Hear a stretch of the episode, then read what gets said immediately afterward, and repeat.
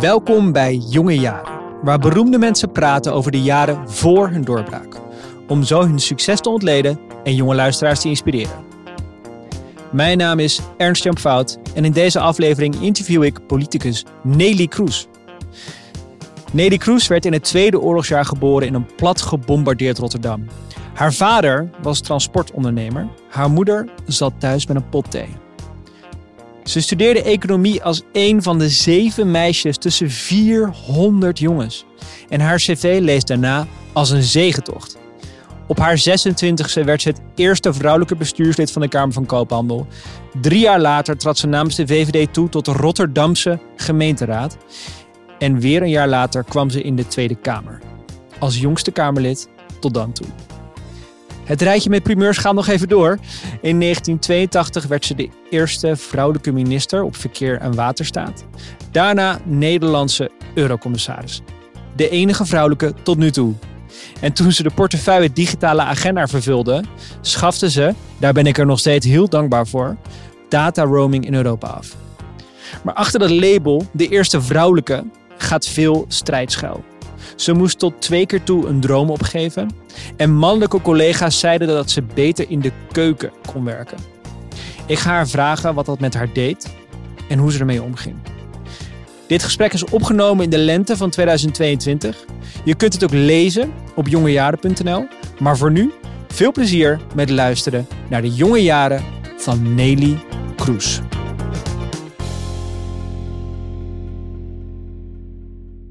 Uh, u staat onbekend dat u geen terugblikker bent, las ik in de Volkskrant. Correct. Maar u heeft wel ja gezegd op deze uitnodiging om te praten over uw jonge jaren. Dus ik was benieuwd waarom. En niet nagedacht. Oké. Ik, ik, vroeg me ook af toen ik hierheen reed, waarom heb ik ja gezegd? waarom doe ik dit eigenlijk? Heeft u er ondanks, ondanks dat zin in? Ik loop niet weg, dus we gaan okay. door. Okay. die worteltjes staart, die, die, die lokte. Goed, hè? Ja, ja. Uh, u vertelde ik zag u onlangs bij Matthijs Gaat Door. Ja. En daar vertelde u iets opvallends, vond ik, over uw jeugd.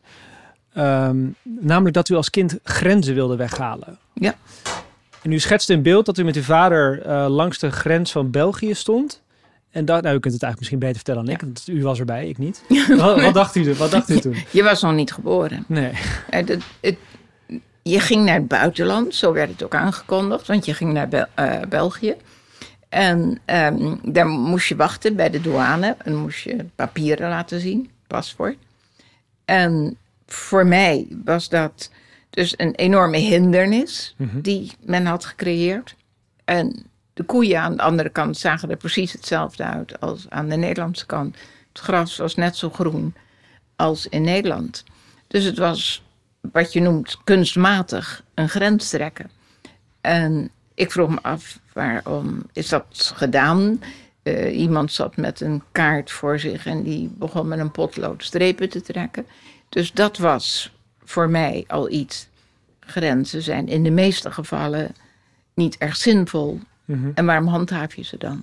Dus daar begon bij mij uh, het begin van uh, de Europese gedachte vorm te krijgen. Van we zouden veel beter een stuk een gom kunnen hebben en het uitstuffen en het wat anders uh, indelen. Maar dat is toch best een bijzondere observatie voor een kind. Ik kan me herinneren dat ik voor het eerst, toen ik uh, zo oud was ongeveer, waren de grenzen natuurlijk al een stuk minder ingrijpend. Maar vond ik het een soort spannend nog met die grenshokjes en zo bij de, bij de grens. Dacht ik alleen maar, oh spannend, naar het buitenland. Niet van, waarom bestaan de grenzen eigenlijk? Hoe, hoe oud was toen ongeveer? Ja, uh, ik ben in 41 geboren, dus um, het moet na 45 geweest zijn. Mm -hmm. Dus zeg eens wat. Maar voordat u nee. tiener was bijvoorbeeld? Ja, ja, ja. ja. ja dat ja. toch ja. merk. Wat denkt u dat dat zegt over u, wie u als kind was? Dat u op uw negende al dacht goh, van, goh, gek eigenlijk dat concept van een grens. Mm. Er hoort eigenlijk nog een stuk verhaal bij. Ik ben in Rotterdam geboren en getogen. Mm -hmm. En Rotterdam heeft heel erg geleden uh, in de oorlog, gebombardeerd, het centrum. Mijn school, wonder boven wonder, waar ik naartoe ging, dat gebouw was gespaard gebleven. Nou, er waren maar een paar gebouwen gespaard gebleven. Het stadhuis en postkantoor. De kerk, de Loudenskerk, was zwaar gebombardeerd. Maar die school, die stond er nog. En ik woonde in het westen, dus ik moest door dat gebombardeerde stuk naar mijn school toe. En vroeg mijn ouders uiteraard: ah, wat is hier gebeurd? Waarom is het gebeurd? En hoe kunnen we voorkomen dat dat nog eens een keer gebeurt? Dus dat stuk zat erbij. En ehm, nou, dan, dan krijg je discussies of, of uitleg over oorlog en wat oorlog is en hoe eh, leiders van landen daarin opereren. En vervolgens in 57, maar de jaren daarvoor, want ik probeerde de krant te lezen. Ehm, dus wij hadden de NRC. Dus als ik die krant netjes las en mijn vader niet merkte dat ik hem gelezen had, mocht ik hem lezen. En Waarom moest dat stiekem? nou, hij wilde, hij wilde een verse krant hebben. Oh, nee, vandaar. dat was alleen maar prima als ik hem las. Maar hij na wilde hem. hem als eerste, ja, na hem. Eh, dus hij moest vers zijn. En eh, voor mij was dat dus ook fascinerend dat die leiders van landen, van zes landen toen aan het begin van de geschiedenis van de Europese gemeenschap, dat die om tafel kwamen en die hadden een aantal jaren daarvoor met elkaar gevochten op het slagveld. Dus dat was ook iets fascinerends, want die hadden met elkaar afgesproken over zes mannen, hè, geen vrouwen.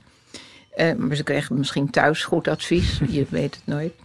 En ehm, in die situatie van die mannen aan tafel om iets met elkaar af te spreken, waardoor er geen oorlog meer zou komen. Nou, dat is een aardig tijd gelukt, Ja. eh, helaas. Eh, Tot wij- een maand geleden ging ja, het, eh, goed. precies. En natuurlijk even in Joegoslavië destijds, maar Mhm. eh, toch niet echt een grote dreiging voor heel Europa. Dus die zes mannen, die hebben toen Europa vormgegeven. En met de gedachte, we moeten proberen om welvaart voor iedereen, want meestal is toch ergens een link dat sommige stukken heel veel minder welvarend zijn, waardoor machtshebbers kansen krijgen om in die oorlogsstemming te komen en te zeggen van ik beloof je enzovoort. Dus het was niet alleen voor mij ehm, die ervaring van dat ik met mijn vader mee mocht naar Antwerpen, maar het was ook die ervaring van in Europa gebeurt van alles en er moet veel meer gebeuren. En dan komt er nog een derde element bij waarom ik eh, waarschijnlijk zo ben als ik, eh, als ik ben en wat ik, hoe ik het ingevuld heb, mijn werkzame leven.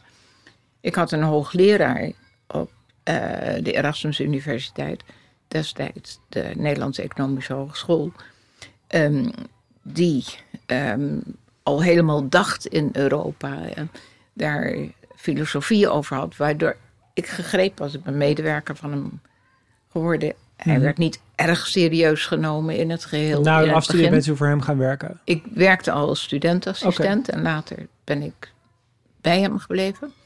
En eh, we zijn toen samen, hij, ging, hij reisde Europa door. En ik mocht mee, ik moest mee. En dan had hij dia-presentaties. In die tijd had je nog dia-presentatie. En dan deed ik de dia's in de projector en zorgde dat het allemaal liep.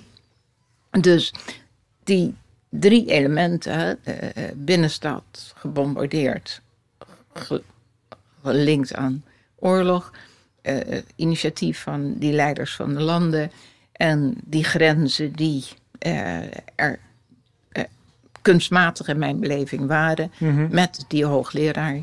Dus eh, het is allemaal eigenlijk heel voor mij vanzelfsprekend met al die bouwblokken wat ik Ja, ik kan me dat op latere leeftijd, dus als u op een gegeven moment gaat studeren en zo voorstellen. Maar ik kan me ook heel goed kunnen voorstellen dat het negenjarige meisje dat bij die grens stond eh, en dagelijks door een plat gebombardeerd centrum liep.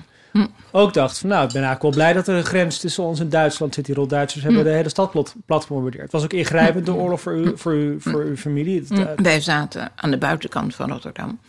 Eh, mijn vader zat in het verzet, dus je werd wel, maar daar was je te klein voor. maar u had dus ook kunnen denken van eh, fijn dat er een grens tussen zit. Moet er niks met, ze- met te maken hebben meer. Nee, dacht ik niet. Ik dacht veel meer van die grenzen zijn eigenlijk ehm, kunstmatig. En we zouden met elkaar veel meer welvaart kunnen creëren. En dus ook minder kans op oorlog. Ja, eh, daardoor.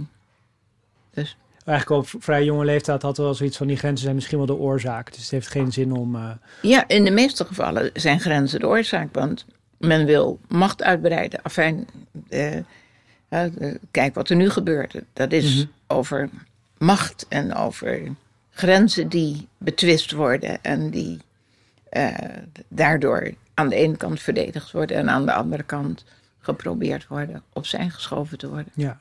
Hey, en u stond aan, die, aan de grens met uw vader, Machtildus Kroes, als ik het goed heb, als Mhm. aanvankelijk boekhouder bij Fort. Maar toen u zo ongeveer zeven was, be- begon hij een eigen bedrijf. Eerder. Eerder, oké. Ik ben in 41 geboren en hij heeft uit de dump bij ehm, de, de vredesbesprekingen, heeft hij de, het dumpmateriaal van de Amerikanen, die waren weg en het Ja. dumpmateriaal stond daar, heeft hij een paar vrachtwagens gekocht en is daar zijn bedrijf mee begonnen. Dus in zwaar transport. Ja. Hoe heette dat bedrijf? Zwatra. Van zwaar, en van zwaar transport dus. En hoe, eh, wat, voor, wat, voor, eh, wat voor type ondernemer was uw vader?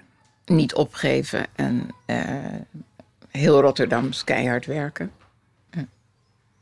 En mer merkte u daar wel thuis wat van?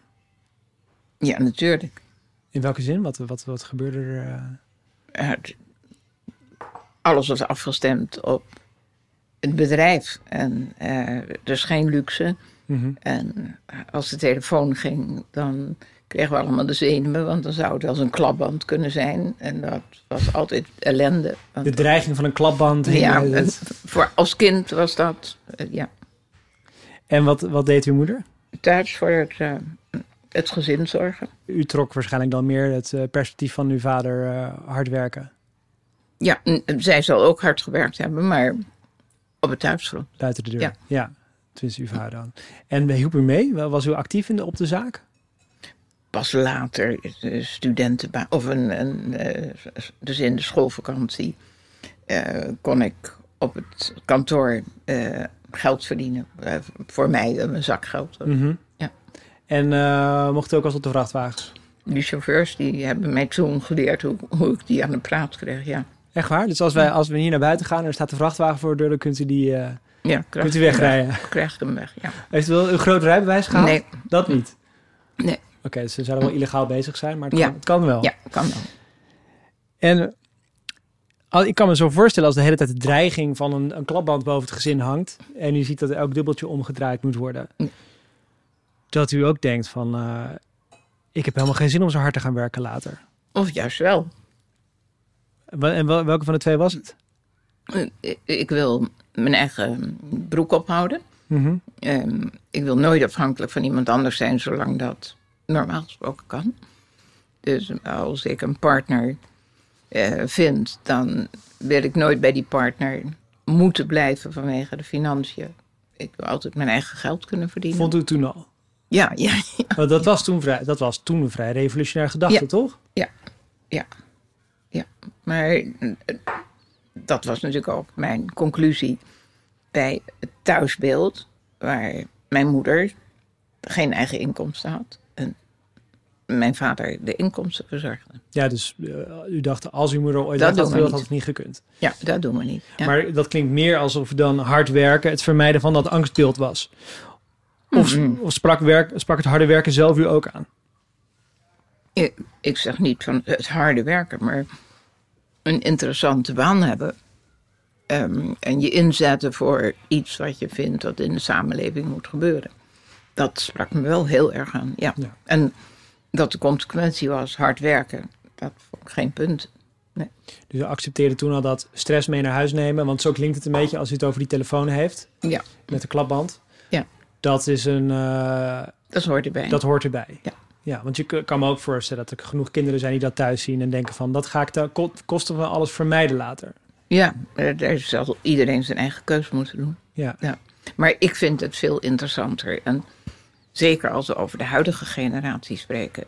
De huidige generatie, als men voorzichtig is in het verkeer, wordt makkelijk boven de 100. Eh, in de meeste gevallen, als je ook een beetje geluk hebt en oplet, eh, in een gezondere situatie dan wat we gewend waren. Dus je hebt een langere levenslijn die heel interessant kan zijn. En dat moet je je dus bewust zijn. Dat waar in mijn jonge jaren, was het 65 en, of iets eerder, dat mensen gepensioneerd konden worden. En veel mensen keken daar naar uit.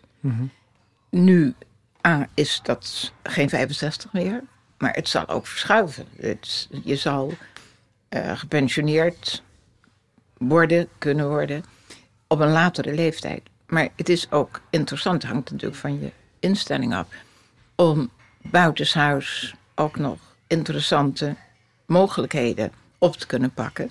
En ik zeg niet dat iedereen 100% moet werken enzovoort. Maar als je die hele lange levenslijn ziet, die normaal gesproken aan de orde is, dan lijkt het heel vervelend om vanaf, vul maar in, achter de geraniums en ehm, een balletje te slaan enzovoort. Terwijl je geestelijk en lichamelijk nog in staat bent om een heleboel dingen te doen. En dat de samenleving ook ongetwijfeld van je verwacht dat dat eh, aan de orde is. Dus als dat allemaal zo is, dan moet je heel erg goed afvragen wat je al aan het begin van, en eigenlijk voor dat werkzame uh, leven, aan onderwijs doet. Dus vul je rugzak zoveel mogelijk met onderwijs en opleiding. Praktiseer dat ook. En dan maak je zelf uit of je zeker als vrouw zegt van ik blijf bij mijn kinderen thuis en pas daarna ga ik weer aan de slag of half aan de slag. Of... Maar geef in ieder geval nooit een situatie waarin je kansen zou kunnen krijgen. De kans dat je moet zeggen van had ik dat maar gerealiseerd. Want dan had ik die opleiding afgemaakt, dan had ik enzovoort. En dan kan je nog veel langer doorgaan. En heb je in de, vele, in de meeste gevallen ook meer te melden. Want dat is ook, denk ik, aan de orde. Ja, want als u zo over werk praat, dan is het eigenlijk dus een manier om een interessant leven te leiden. Hmm. Wat ik een interessant leven vind, ja. Ja, ja. En voor andere mensen kan het een totaal andere invulling zijn. Uh, weet ik veel... Uh, vrijwilligerswerk of met ja, vrienden. Of de volkstuinen. Uh, of, ja. ja. of misschien juist wel uh, ja. alleen maar voor het gezin zorgen. Ja. Um, maar wat ik probeer uit te leggen is... we worden vandaag aan de dag ouder in een betere conditie. Dus onderschat niet wat de tijd die je extra krijgt daardoor je ook voor mogelijkheden geeft. Ja, u zegt, u zegt eigenlijk tegen mij als mid-dertiger... Uh, modelleer jezelf niet naar het leven van je grootouders. Nee. Want uh, die hebben een stuk kortere werktijd uh, ja. gehad dan ik wellicht ga krijgen als ik geluk ja. heb. Ja. ja. Dat ik me niet om mijn tachtigste ga vervelen. Nee. Nee. nee. Of dat, je, dat je met een partner samen denkt van... Jeetje, mijn, we zitten nu al 50 jaar bij elkaar. We hebben elkaar niks meer te melden. Omdat het enige wat gebeurt is dat je naar de bakker gaat. En het was weer zo interessant bij de bakker. Nou... Het is wel eigenlijk wel interessant. U geeft dus eigenlijk mee aan een jongere generatie van... Um, jullie moeten echt even gaan nadenken over de... Over, ervan uitgaan dat je 100 wordt. Als gedachteoefening. En dus niet het oude patroon, in de, het oude patroon gewoon blindelings volgen. Ja. Ziet u veel jongeren dat doen nu eigenlijk? Dat ze wel, dat ze wel opnieuw nadenken over, over dat ze misschien wel um, 100 jaar worden? Sommigen wel, sommigen niet. En mijn boodschap is met name op meiden gericht. Hè? Mhm. Want er zijn toch nog steeds veel meiden die denken: ik vind die prins op het witte paard wel. En dan hoeft het allemaal niet meer. Maar die kan eraf duikelen. Dat heeft u Ja. ondervonden. Eh, Twee keer. Dus eh, wat dat betreft, eh, daar moet je je nooit op vastpinnen. Bovendien, ik wil niet afhankelijk zijn, dus dat is ook het advies. Zorg dat je zelf je inkomsten kunt verwerven. En sommige mensen, daar zitten tegen in het leven en dat lukt niet enzovoort. Maar heel veel meiden, die geven mijn zinziens te snel op. En realiseren zich niet dat als de kinderen straks uit huis gaan, die gaan veel eerder uit huis dan vroeger. Dan zit je daar en dan eh, Moet je die man die gaan praten. ja, en die man die is met zijn secretaresse bezig en, enzovoort. Dus ehm, gebruik je verstand en denk die situatie door. Ja, ziet u dit nog steeds? Het klinkt voor mij al, alweer een beetje gedateerd. De man met de secretaresse en de vrouw die, eh, die achterblijft. Maar dit, dit, gebeurt, nou, dat ziet het- nog steeds gebeuren. Ligt Nou ja, wat zie jij dan gebeuren? de meeste vrouwen in mijn omgeving zijn zich ervan bewust, ik moet financieel onafhankelijk zijn. Dat Ja. is een soort standaard Ja, in de en werk je daar ook aan? Ja, Oké. ja. Ja. Maar goed, ik lees natuurlijk ook in de krant over de, de deeltijdprinsessen en zo, waar, waar iemand als een opiniemaker als Sander Schimmelpenning het vaak over heeft. U richt zich eigenlijk tot hen. Mm. In zijn algemeenheid aan. Ehm, iedereen maakt zelf uit waar hij voor kiest. En met een gezin starten, met een partner enzovoort. Maar dat je doordenkt dat we veel meer tijd hebben. En de vraag, hoe wil je die tijd besteden? En wat heel leuk lijkt als het mooi weer is om op het terras te zitten. Maar om altijd op het terras te zitten gaat heel erg Dus vervelend. het gaat rond zo rond je zeventigste een beetje... eh, Nou, ik verzeker je dat ook eerder. Ja. Is dat het iets is leuk als het niet elke dag vanzelfsprekend is. Ja, dus zoek naar vormen van zelfontplooiing. En voor Ja. u was dat, is dat werk, Ja. want u werkt nog steeds. Hm. Ehm, nog heel even terug naar, naar, naar uw jeugd en naar de dromen die u toen had. Ik begreep dat een held van u was eh, de Nobelprijswinnaar Albert Schweitzer. Ja. Eh, kunt, is een beetje een vergeten man, heb ik het idee. Kunt u eens vertellen wie dat was? Een, ehm, een Duitse arts die naar eh, Afrika ging.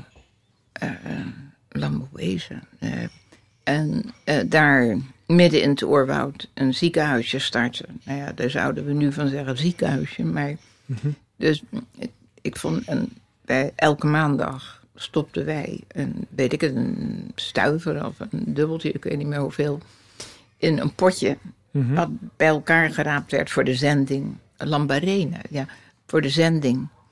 En, ehm, dus die man die begon mythische vormen voor mij aan te nemen. Ik dacht, die wil ik wel gaan helpen. Dus Ja. dat, dat was... Want het was op een middelbare schooltijd dat, u, eh, dat er zo'n... Nee, lagere school. Lagere school zelfs nog. lagere school, ja. En want het- die man had niet alleen bij u mythische proporties, want hij won ook de Nobelprijs. Dus het was Ik eh, weet niet of die de Nobelprijs... ja, voor de vrede. Volgens mij in 56, als ik me niet vergis. Oh, dan leer ik nog steeds. Of 52 staat hier. Hm. Dus toen was u 11. Hm. Nou, zo net in, net in die lagere schooltijd.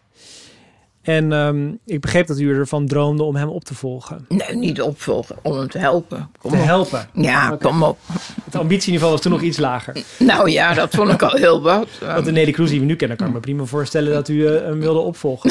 Nou, nee, dus we blijven met de benen op. Nee, dus dat heb ik nooit gedacht, ge- ge- durven denken, kom op. Nee, Oké, maar in ieder geval help. u aansluiten. Daarheen helpen. gaan. Ja. Ja. En de eerste stap was dan medicijnen studeren. Ja. Maar dat bent u niet gaan doen. Nee, Waarom niet? omdat ik HBSA had. En daar moest je B voor hebben, dus dat moest ik extra dan gaan doen. En dat mijn vader zei van, eh, je mag studeren, maar eh, niet eh, op kamer en niet... En medicijnen was in Utrecht of in Leiden of wat dan ook, dus dat mocht allemaal niet. Dus, en hij had bovendien gedacht, wat niet gek gedacht was... Ik weet niet of ik het me kan blijven permitteren om je eh, financieel dat mogelijk te laten zijn. Ehm, en als je in Rotterdam, dan kan je thuis blijven wonen, dat is veel goedkoper. En met economie, als je eh, je kandidaats hebt, daar kan je ook iets mee gaan doen. Maar kandidaatsmedicijnen, dat is niks. Dus, Mhm. dus zijn redenering was, blijf in Rotterdam studeren, dat mag. En hij wilde niet dat ik een beurs had, want hij wilde niet van de overheid afhankelijk zijn. Dus dat, Oh, waarom was dat? daar was de overheid niet voor om eh, eh, de kinderen te laten studeren. Je Dus moest het zelf, zelf je rooien. moet het zelf rooien. Oké. Ja. En ehm, maar ik kan me voorstellen als u in de lagere school Albert Schweitzer ontdekte en dan de hele middelbare school. Ik weet niet wanneer dit gesprek met uw vader plaatsvond, maar in ieder geval dacht medicijnen. Ja. Dat het nogal een teleurstelling was om te verwerken. Ik vond dat hij ergens wel gelijk had. Dat als en dat hij het wilde betalen. En dat hij eh, de redenering had: je kunt met kandidaat economie een baan vinden, het andere niet. Dat overtuigde me. Dus op, Dus- op heel rationele gronden dacht u. Ja, dus dan kun, je ook, dan kun je ook zeggen van, zaten je dromen niet zo diep. Fair enough. Maar- ja. ja. Ja, want ik hoorde over een andere droom van u. Dat u ervan droomde om ehm, het bedrijf van uw vader op een gegeven moment over te nemen. Nee, maar dat was uitgesloten. In die tijd een vrouw aan het hoofd van een zwaar transportbedrijf. Dus dat kwam geen eens bij me op. In Trouw 1997 werd dat gezegd. Eigenlijk had ze naar haar studie het bedrijf willen, Mm. van haar vader willen overnemen. Mm. Maar in die tijd was het onbestaanbaar dat een vrouw zich in de mannenwereld Mm. begaf. Maar toen ik dat zo las, en die twee dingen bij elkaar legde, Mm. dacht ik wel, u had twee keer een idee over uw toekomst en twee keer werd er pas afgesneden. Nee, nee, nee. Maar dat is bij mij. Ik accepteerde dat dat niet kon. Er werden zaken gedaan op de beurs, in de kroeg. Nou, daar kwam je als meisje niet, of als jonge vrouw niet. Dus was, En maakte dat u kwaad? ik was veel gezeggelijker dan je veronderstelt dat ik. eh, dat was een feit. Er zijn. Maar ik kan me, een grens is ook een feit. En daar stond u aan en dacht u, het concept Ja. van, deze, van deze grens klopt niet. Dat is Ja. natuurlijk een soort... Ja. Dus ik kan me ook voorstellen dat u het concept van een mannenwereld... Nou ja, dat heb ik leeftijd- natuurlijk ook niet geaccepteerd, want daar ben ik wel. Alleen niet op het punt van. eh, op dat moment, dan kan ik dat bedrijf in. Ja, dus dat kwam pas later. Niet, niet, in, die, in die, niet in de fase dat u uw carrière in eerste instantie plande... of over loopbaan nadacht. Toen Mm. legde u nog neer bij die mannenwereld. Ja, en ik was dus niet zo gedreven, kennelijk, om in dat bedrijf te gaan. Bovendien denk ik ook, maar dat is achteraf redeneren. Mijn vader en ik leken erg op elkaar, dus daar had ik ook, mag ik aannemen. Dus ik denk dat er meerdere redenen. Had u mee gebotst, bedoelt u? Ja, maakt ja, gevaar ja, van ja. botsen. Ja. Dus het is allemaal goed uitgepakt. Ja, dat, dat zeker. Daarom zit u hier. en ehm, Ja.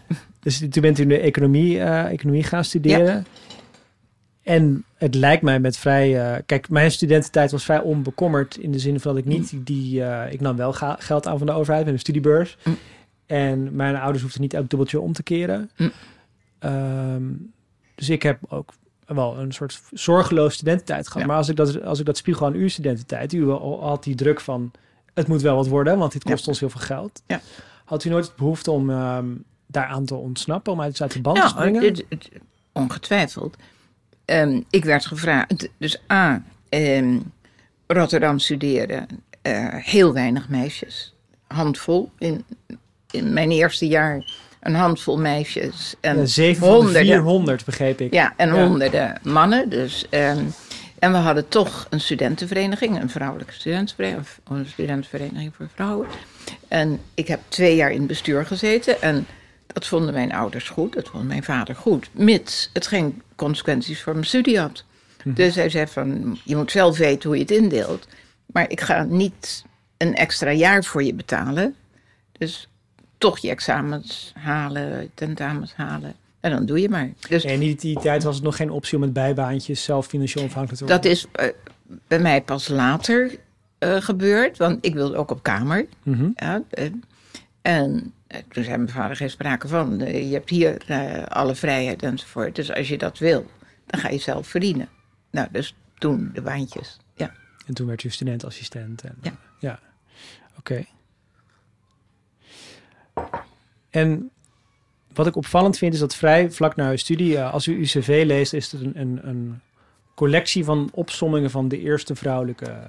Hm. En dan vul een belangwekkende Hm. titel in. En daar begon u al, al vrij vroeg mee. Namelijk op uw 26e, als ik het goed heb, werd u de eerste vrouwelijke bestuurslid van de Kamer van Koophandel. Hm. Wa- wat gebeurde er in die paar jaar studententijd dat u zo'n enorme eh, sprong maakte? Dit klinkt, want het klinkt als een prestigieuze functie. Wat was er bijzonder aan u dat u dat, dat, u dat zo voor elkaar kreeg? Nou, dat was natuurlijk. Ik kwam uit dat wegvervoer. Mhm. Dat is zwaar transport. Ehm, ik kreeg de kans om het wegvervoer in de Kamer van Koophandel te vertegenwoordigen. En ik was de eerste vrouw in Nederland. Dus de- havenbaronnen die andere sectoren vertegenwoordigden in datzelfde bestuur. Sommigen zeiden van, eh, we zaten niet te wachten op een vrouw, je hoort in de keuken. Dus ik heel rabiate, de, van, eh, wat een onzin, dat, eh, daar, gaat, daar gaat u niet over. Hè? Want je sprak elkaar, of ik sprak hen met u aan. En voor mij waren dat havenbaronnen, kun je je voorstellen. Dus toen met één die heel fanatiek was, toen zei ik van, geef me dan de kans om het een jaar te proberen. En dan kun je zien of ik bijdraag aan. En eh, dan na een jaar kunnen we nog eens een keer praten over. Het gaat toch niet de keuken in, maar dan kunnen we nog eens kijken Mhm. of het. En toen na een jaar heel sportief kwam die naar me toe en zei van eh, fantastisch blijven. En, eh, dus dat stimuleert weer. En wat is er dan veranderd in die, die tussen dat moment dat u dacht, ik ga niet het bedrijf van mijn vader overnemen, want het Ja. is onbestaanbaar een vrouw Ja. in die mannenwereld. En dan, wat, wat zal het zijn, vijf à, vijf à acht jaar later, ehm, toch die mannen, toch dat niet meer accepteren dat er wordt gezegd, ga Ja. er maar naar de keuken of ga hier maar naar de keuken. Ja. Ehm, de twee dingen, de tijd. Dus dat, dat maakt natuurlijk ook wel uit. En twee, waar, waar mijn vader met name mij voor waarschuwde, de- of waarschuwde, waardoor het niet kon dat ik hem zou opvolgen, was hoe er zaken gedaan werd in de kroeg Mhm. en op de beurs. De hele mannenwereld. En, dus dat begreep ik, maar in die sophisticated Kamer van Koophandel, in dat bestuur op de Koolsingel, daar, dat was niet de kroeg. Dus gewoon een tikje vooruitstrevende waren ze daar. Het, niet, het heeft niks met vooruitstrevend te maken. Het heeft alles te maken met op wat voor werkniveau opereer je. Daar had je de vergaderingen. Dat was niet in de kroeg. Ja, dat ja. was niet op de beurs. En dat was rauw. Hè? Mhm. op de, in de kroeg en op de beurs. Dus Ik snap het, ja.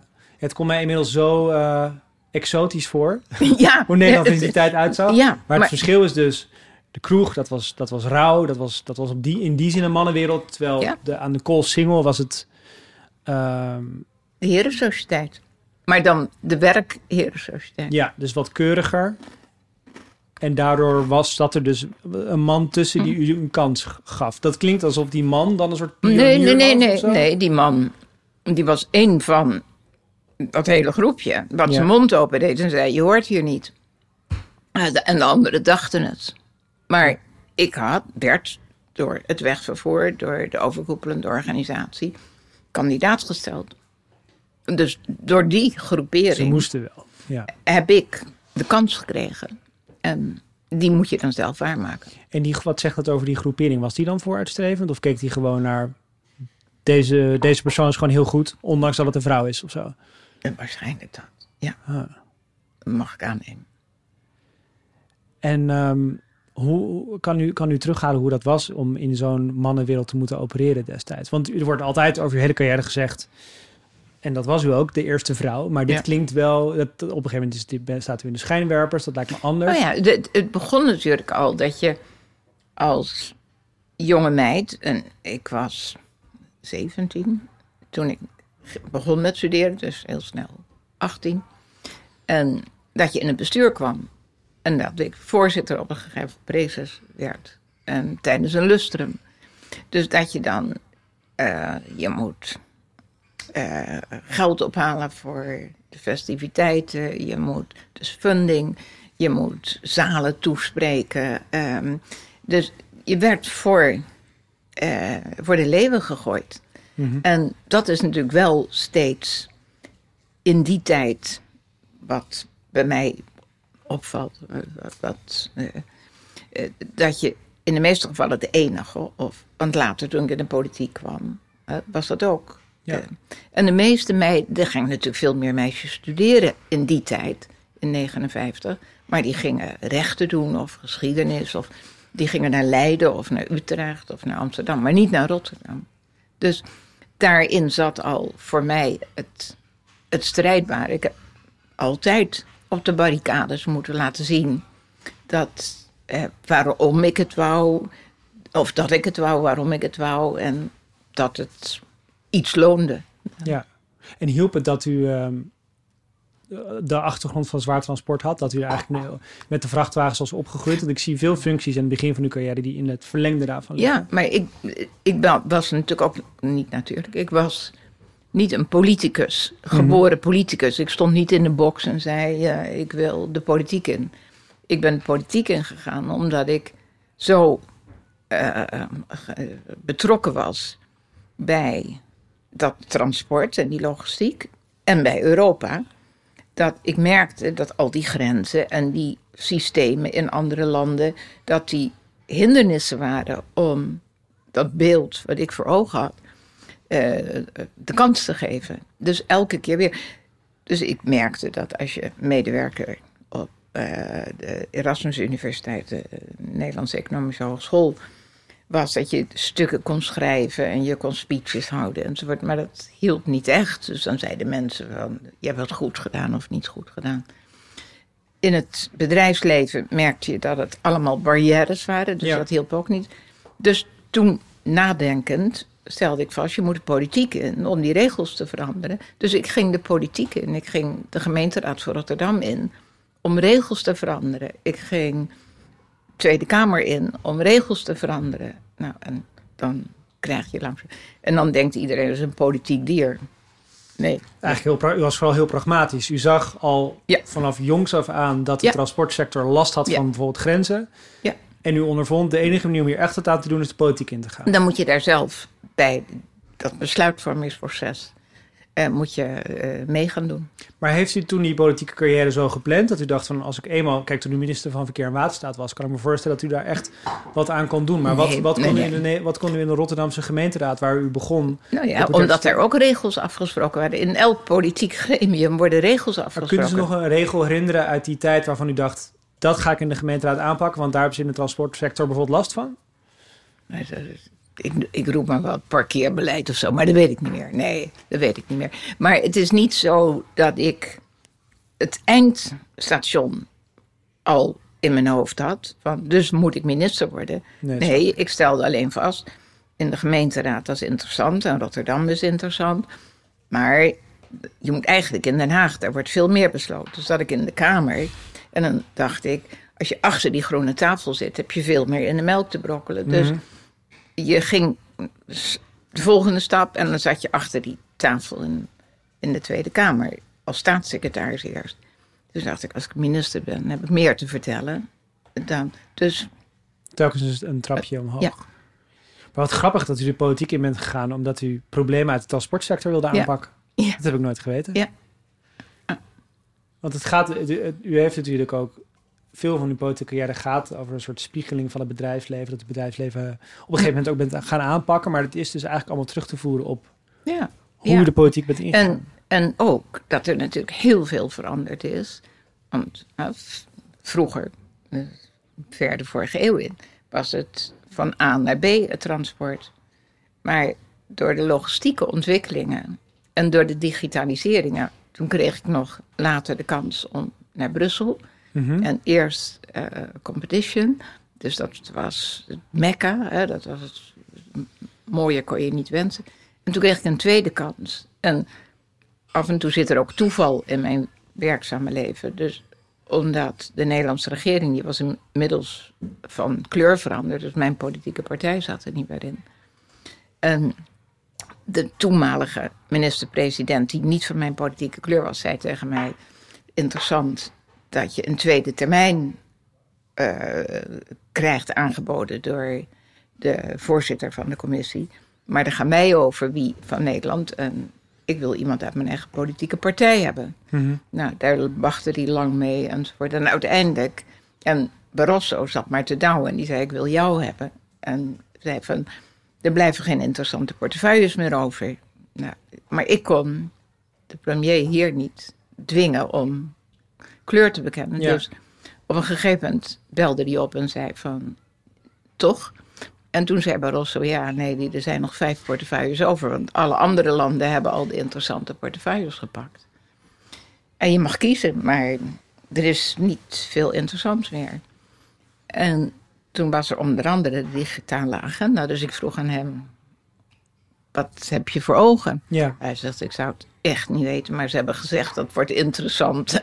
Dat zei Barossa tegen ja, je, dat internet kan al wat worden. Ja, dus uh, van, uh, ik zei, steun je me? Ja, nee, ik steun je wel. Maar niemand wist wat je daarvan kon verwachten. Dat, dat kan je nu niet meer voorstellen. Ja. Dus dat heb ik gekozen. En dat is eigenlijk de meest fascinerende portefeuille geweest die ik ooit heb gehad. Dat, uh, ja, en daar hoef ik geen data meer te betalen als ik de grens over ga. Over grenzen gesproken. Ja. Het is wel grappig dat u in het begin van uw carrière, politieke carrière dus gericht was op regels veranderen waar het bedrijfsleven last van had. Ja. Maar op een gegeven moment eigenlijk als uh, uh, eurocommissaris juist het bedrijfsleven moest beteugelen. Ja. Bijvoorbeeld stoppen met die gekke dataroming. Zo zie je. Eh, Ja. Je moet blijven opletten. Ja. ik, we hadden het net al een beetje over dat u in een, een- nogal een mannenwereld opereerde. Maar ik kwam in mijn voorbereiding op dit gesprek scènes tegen waarvan ik dacht... hoe is het mogelijk? Ik las bijvoorbeeld dat u dan... Ik hoop niet dat u erg dat ik het oprakel... maar in het concertgebouw was voor een opname van Ted de Braak... eh, van een televisieprogramma. Dat uw toenmalige man eh, moest opstaan en een ovatie kreeg van het concertgebouw... omdat hij bereid was in uw schaduw te staan. Dit was in 1980 of zo, dus ik las ik in het AD van destijds. En toen dacht ik, kan u zich nog herinneren? Nee. Nou, ik zou het Nee. ook verdrongen hebben als Ja. ik u was. ja. Maar dat Daarom is dat huwelijk misgegaan, hè? Nou, het zegt misschien ook wat over... wat ik, ik kan me voorstellen dat het voor uw toenmalige man ook gênant was. Eh, wat voor... eh, en al- die interviews gaan over uw make-up, uw uiterlijk... over dat u een nanny thuis heeft... Allemaal dingen die natuurlijk niet aan, u, aan uw mannelijke collega's werd gevraagd. Werd u er niet helemaal krankjonem van op een gegeven moment? Jawel, maar dat hielp niet. Wat deed u met die woede dan? Ja, maar sommige dingen helpen niet als je er kwaad over wordt. Dus U kunt eigenlijk heel goed de emotie wegrationaliseren. Dus als, Ja. er, als u niet medicijnen mag studeren, kunt u dat rationaliseren. Ja. Als u de hele tijd op uw vrouw zijn benaderd wordt, dan rationaliseert u dat gewoon weg. Ja. Stopt u dan niks weg? Oh ja, ik stop ongetwijfeld dingen weg. eh, waar, je, waar je niks aan kan veranderen. In ieder geval niet op dat moment. Mhm. Daar, ik, daar laat ik me niet door kopje onder eh, eh, leiden. En heeft u dan, eh, ziet u uw carrière als een soort zoete wraak? Nee, nee, nee, nee. nee. Dus, vind ik, de- de- dus mijn werkzame leven, carrière vind ik een beetje groot woord. Mijn werkzame leven is, je- je zou bijna zeggen, met, als ik het met een potlood had kunnen tekenen, dan had het niet mooier kunnen zijn. Waarbij overigens de gedachte dat het allemaal vanzelf was gekomen niet aan de orde is. Dus daar Nee. heb je voor moeten knokken. Dat is evident. Bloed, zweet, geen tranen. Eh, en dat je, maar dat er wel lijn in zit. Hè, de- Maar het is heel typisch dat u zegt geen tranen. nee, Hoezo nee. dan niet? nee, ik vind dat je in je werkzame leven eh, daar emoties, woede, blijdschap, allemaal prima, maar geen tranen. Waarom Nee. niet dan? Ik heb wel gehuild door mijn werk hoor. Ja? Ja. Nee. Maar omdat u het niet voelt of omdat u het niet toelaat? Eh, Het begint natuurlijk met niet toelaten. Dat, dat, dat is duidelijk. Ik zeg niet dat ik nooit huil, maar niet met, met of over mijn werk.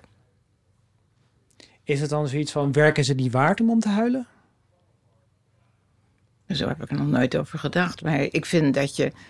Dan moet je professioneel doen, je werk. Ja, ja.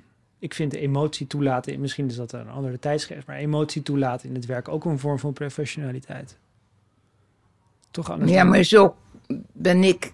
Uit mijn werkzame leven was dat absoluut niet aan de orde. Dus ik zeg niet dat het nu. Maar.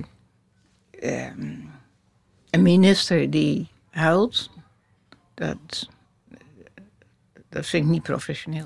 Maar als u dan Barack Obama bij eh, Sandy Hook zag, bij die school waar, die, waar, die, eh, Ja. waar de schietpartij was geweest, en die daar moest huilen, denkt u dan ook onprofessioneel? Ja, maar da- dat zijn exceptionele situaties. Dus als je. eh, Ik kan me voorstellen bij Beetje een hyperbol, maar, maar Ja. wat ik bedoel. Ja, het, dus ik zeg niet nooit, nooit. Maar normaal gesproken in je professionele leven, daar, eh, ja, daar, ga je- daar vind ik dat je niet houdt. Wat fascinerend. Ik vind het ook fascinerend omdat het zo, omdat u de ene, aan de ene kant werk als zo'n vorm van zelfontplooiing ziet. Ja. En dat bij die zelfontplooiing dan geen emotie hoort. Geen negatieve emotie hoort. Dus dat vind ik bijzonder. ja. Ik heb niet anders voor je. Oké. Maar ik, ik las dat u, ehm, dat u op een gegeven moment eh, werd gevraagd van ehm, of uw vader wel eens liet merken, toen leefde uw vader Ja. nog, toen die vraag gesteld werd, dat, eh, dat hij trots op u eh, Ja. was. De, liet, hij- liet hij dat wel eens merken? Niet echt. Nee. De, hij was trots op zijn kinderen. Eh, maar hij liet. Nee, hij vond. dat ook waarschijnlijk slecht voor je karakter. Van, Hm. Je doet je best en eh, goed als het allemaal goed gaat. Ja. Maar geen schouderklopje toen u minister werd. Hij zal ongetwijfeld gezegd hebben gefeliciteerd. Maar het, hij was niet degene, eh, nog mijn moeder, eh, die eh, dat heel erg liet blijken. Nee. En we toon, toonde uw vader, als ik het persoonlijk word, moet u het zeggen hoor. Ja. Maar toonde uw vader en moeder emoties, emoties thuis? Mijn vader zeker niet. Hm. Behalve af en toe boos. Dat is die het ergens niet mee eens was. Dus dat is ook emotie. Maar niet de emotie waar u nu op doelt. Nee. En hoe, hoe weet u dan van elkaar dat u van u houdt bijvoorbeeld in zo'n... Ja, maar dat, dat hoeft niet uitgesproken te worden. En dat is overigens ook die generatie. Hè? Mhm. Want als ik zie hoe ik met mijn zoon en hoe ik met mijn kleindochters, dan is dat natuurlijk al anders. Ja. Dat zeg je honderdduizend keer van ik hou van je en eh, ben trots op je. En fantastisch en kom op. En, maar dat was in die tijd. Nee. nee. Dus dat is ook een tijdsbeeld. Ja. Het klinkt wel alsof u iets van... Want dat die generatie van uw ouders is dan... Generatie denk ik geboren eh, zo vlak na de Eerste Wereldoorlog, vermoed ik. Daarvoor. Daarvoor zelfs? Ja. Oké. Dus de, de generatie van begin vorige eeuw. Uh, maar het lijkt wel alsof u, da, als u, alsof u daar nog wel erg door gevormd... Ook al gaat u nu alles met de kleinkinderen om... wel erg door gevormd bent. In de zin van geen Hmm. negatieve emotie toelaten op het werk bijvoorbeeld. Je, ja, maar nu moet je onderscheid maken. ik ben ongetwijfeld gevormd door het ouderlijk huis. Mhm. En Eh, hard werken, eh, sappelen, het geld dat verdiend werd, werd geïnvesteerd in het bedrijf, eh, enzovoort, enzovoort. Ehm, en geen emotie tonen, dat, zo ben ik ook opgegroeid. Maar dat betekent niet dat ik geen onderscheid kon maken tussen mijn werk, waarin ik vond dat dat niet zo moest, en wat ik zelf met mijn zoon en met mijn kleinkinderen. Dat, eh, Ja, dus daar heeft u wel een soort van ander plan getrokken. jawel, tuurlijk. Of ja, tuurlijk, Ja. ja. ja. Maar als het op werk aankomt, dan lijkt het alsof u dat in de geest van uw vader bent blijven doen. Ja, dat is een goeie. Ja. Ja. Ja. En wat vindt u dan van eh, mensen zoals ik, die... eh, ik kan me voorstellen dat u meer mensen om zich heen ziet die wel emotie meebrengen naar haar werk. Wat denkt u dan? Ik- eh, probeer op een heleboel punten liberaal te zijn. dat, Ja. dat was al een tijdje mijn keuze, om het maar zo te zeggen. Dus iedereen maakt zelf uit hoe die, ehm, hoe die daarin zit. En dus dat begint eigenlijk al die keuze van... ehm, wat voor studie doe je? Wat ga je ermee doen? Ehm, wat doe je als je een partner ontmoet waarvan je zegt, eh, de vader van mijn kinderen. Wat, dus steeds bij die keuzes is dat al aan de orde dat je zegt van, dat is mijn keuze. Dus ik zal ook nooit tegen iemand zeggen van, je moet buitenshuis gaan werken. Maakt iedereen zelf uit. mhm. Ik zeg alleen, met mijn ervaring kan ik wel een aantal dingen op tafel leggen, waardoor hopelijk mensen gaan nadenken, wat moet ik in die situatie Ja. of wat zal ik in die situatie Vul je rugzak met ervaringen, zorg dat je onafhankelijk Ja. bent. Ja. Zou er ook aan toevoegen, dus ik hou zelf op hoor, maar nog even. Zou er ook aan toevoegen, zorg ervoor dat je niet helpt op je werk of je emotie meeneemt? Nee, dat maakt iedereen zelf dat uit. vindt u een Nee, persoonlijke afweging? dat is ook een persoonlijke afweging. Dus denkt Alleen, je je bent- je bent- van wat een nee. sukkel. Nee, nee, nee. Maar je bent ook kwetsbaarder. En dat hebben we natuurlijk ook in de Kamer gezien, Mhm. in de Tweede Kamer. Dat als een vrouwelijk Kamerlid in huilen uitbarst, dan wordt dat breed uitgemeten. Het is voor mij als man natuurlijk makkelijker om te huilen, omdat ik dan niet word afgerekend op. eh, Ja, mijn ja. ja. Ja, dat begrijp ik. Ja. Het, eh, recent eh, zorgde uw jonge jaren voor nogal wat beroering. Dat was bij Buitenhof. Dat Joris Luindijk had Oh, in zijn ja. boek opgeschreven, De Zeven Ja. Vinkjes. Ja, Dat, hij, dat uw vader Calvinistisch zou zijn geweest. zwaar Calvinistisch. Zwaar. Calvinistisch. En dat u bij anders bent gepraat, maar goed, daar hebben we het nu over. Be- en beide is niet waar. Dus eh, Ja, want, maar, want u zegt, ja, u, mijn vader was geen Calvinistisch en zeker niet streng. Hij was een vrijzinnig mens. En heeft zich ook altijd zo Ja. gedragen, zei u in Buitenhof. Maar toen las ik een interview in 1997 met het dagblad Trouw. En dan zegt u, ik kom uit een Nederlands hervormd nest, zwaar Calvinistisch. nee, nou ja, eh, dat kan ik niet gezegd hebben. Ik kan veel onzin uitgekraamd hebben, maar dit is een feitelijke onwaarheid. Dus dan kun je zeggen van hoe kan dat dan in trouw komen? Ja, ik geef het trouw niet uit. En, ehm, maar je bent niet anders over je vader gaan denken in die jaren? Nee, want het, het heeft niks met mijn vader zelf te maken. Het feit is dat die vrijzinnig was. En mm. uh, dus daarin. En dat accent, of ik heb toen ook gezegd van, er moeten ergens bandjes van mij zijn, van toen der tijd. Ja. Speel het maar af. ik, ik kan me niet voorstellen. Ik heb nooit op spraakles gezeten of wat dan ook. Ja. oh, dat gaat even spraak. Ja, nee, dat geloof ik. Dus het tweede, hè, dat was... Nee, ik vond het gewoon zo fascinerend. Ik dacht, bent, omdat in dat, dat ja, maar, spraak, we niet terug, maar over dat ja, maar, van... Ja, maar daar zijn we toch... Dat was vroeger vaak zo. Van het stond in de krant, dus het is zo. Ja. Mhm. Ehm, de groeten. En in welke, op wat voor manier was uw vader vrijzinnig? Uh, Waar merkt u dat aan? Dat hij met zijn geloof en uh, met zijn uh, invullen van het leven. En hij had natuurlijk dingen meegemaakt in die ondergrondse, mm wat hem ook gevormd had. Dus, en vrij, vrijzinnig is ook een stroming in Nederland. Dus. Ja, oké. Dus dan hebben we het puur over de de religieuze leer. Want ik kan me ook voorstellen als mensen nu over Calvinisme hebben, dat ze dan denken sober en. Uh, nou, dat, dat was natuurlijk wel bij je. Ja, maar dat kwam niet door het geloof. Dat kwam omdat het geld wat verdiend werd in het bedrijf gestoken werd. Dus uh, dat. Het was gewoon uh, ondernemersnoodzaak. Ja, ja, ja.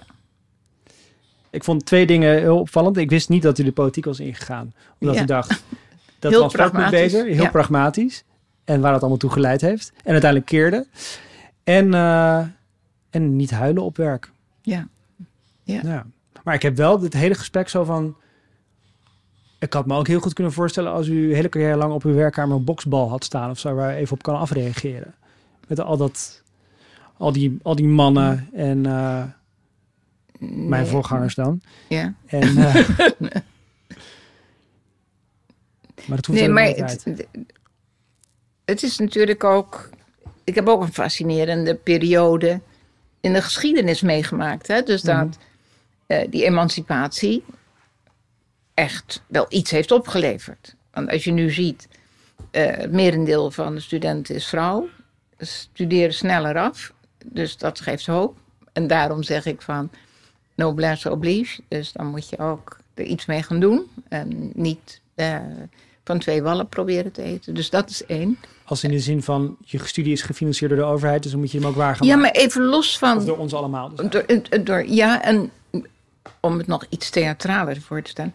Werkende jongeren, ja, die 16-jarige, toen, ik weet niet wanneer je nu werkend jong bent.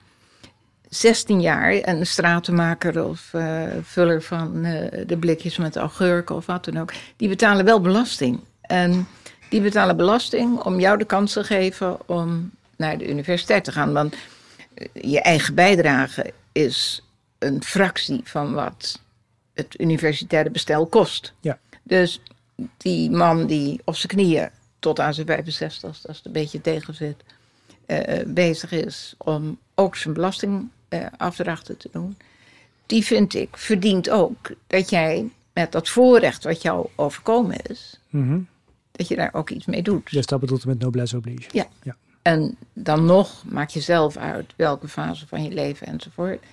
Maar, en daar heb je natuurlijk ook met uh, de vrouwen, de meiden. En we kwamen natuurlijk uit een cultuur, maar dat is een heel ander hoofdstuk, maar heeft er wel mee te maken. We hadden hier geen oorlogsindustrie in Nederland, um, wat wel in Engeland was, of uh, in, in Frankrijk waar de mannen naar het front gingen. Mm Dat was in Nederland niet. Dus ehm, de mannen na de Tweede Wereldoorlog, die zeiden heel trots: Mijn vrouw hoeft niet te werken. Dat was iets van, waar je trots op was. Dus die kan thuis blijven. Ja, uh, ja of dat het grootste voorrecht is, maar oké. Dus wij komen uit een Calvinistisch uh, denkwereld waar die vrouw thuis en die voedt kinderen op en, enzovoort. En om dat te draaien, nou, dat, dat hebben we meegemaakt. Dat, dat, en het is overigens nog steeds niet geëindigd. Maar Was uw moeder er echt tevreden mee om thuis te zitten met, met de kop thee klaar als u thuis kwam? Het was, het was geen keuze voor haar. U weet niet dat ze stiekem Nee. dromen had van Oh, carrière. ze had ongetwijfeld dromen en ze had onderwijzeres willen worden enzovoort. Maar dat was niet aan de orde. Ja. Ja. En u heeft nu best wel veel advies aan vrouwen gegeven. Maar ik, geloof niet dat u alle verantwoordelijkheid bij hen legt. Heeft u ook nog, eh, als we het dan over dit thema hebben, van, eh, adviezen aan mannen? Van eh, doe dit eens anders? Het, het is, maar emancipatie is aan twee kanten. Ja, Want op het moment, en dat overigens is wel aan het veranderen. hè. Eh, je ziet nu mannen achter de kinderwagen, dat is doodnormaal. Mhm. Dat zag je in mijn tijd absoluut niet. Dus de, de kleinigheid, maar om te bewijzen van dat dat integreren in elkaars werelden en eh, een stuk verantwoordelijkheid op je schouders nemen enzovoort. Wat ook overigens leuk is, want daardoor is die vader ook herkenbaarder in dat gezin. ja. Ik vind het zo grappig dat u zich tijdens dit gedeelte van het gesprek tot Bianca richt, de, de, de vrouw aan tafel. Ja, ik weet niks van Bianca af, maar, Maar in ieder geval. dus Ja. kijken van of ze loskomt.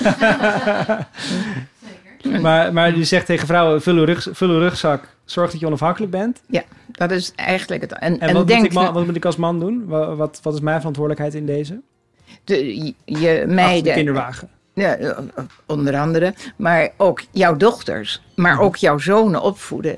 Dat het een samenleving is waar dat oude rollenpatroon helemaal achterhaald is. En dat het leuk is, vreugde geeft als het. Ja. Heb je kinderen? Twee, eh, een zoon van eh, zes en een dochter van drie. Nog een beetje te jong om deze podcast te luisteren. Ja. Maar als het eenmaal zover is, zal ik het ze laten horen. Ga ik wel zeggen dat ze mogen huilen op hun werk. Precies, precies. Heel goed, heel goed. Dank Ja, u wel voor ja, dit gesprek. ja. Met veel plezier. Ja. Dank voor het luisteren naar Jonge Jaren, een interviewprogramma van POM. Je kunt het interview teruglezen op jongejaren.nl en daar vind je ook andere interviews met beroemde presentatoren, politici, kunstenaars, schrijvers, muzikanten. En ik publiceer daar ook artikelen met lessen die ik leerde uit alle interviews. Vond je dit een mooi gesprek? Dan is het heel fijn als je het deelt met vrienden of een waardering geeft in Spotify of de Apple Podcast app.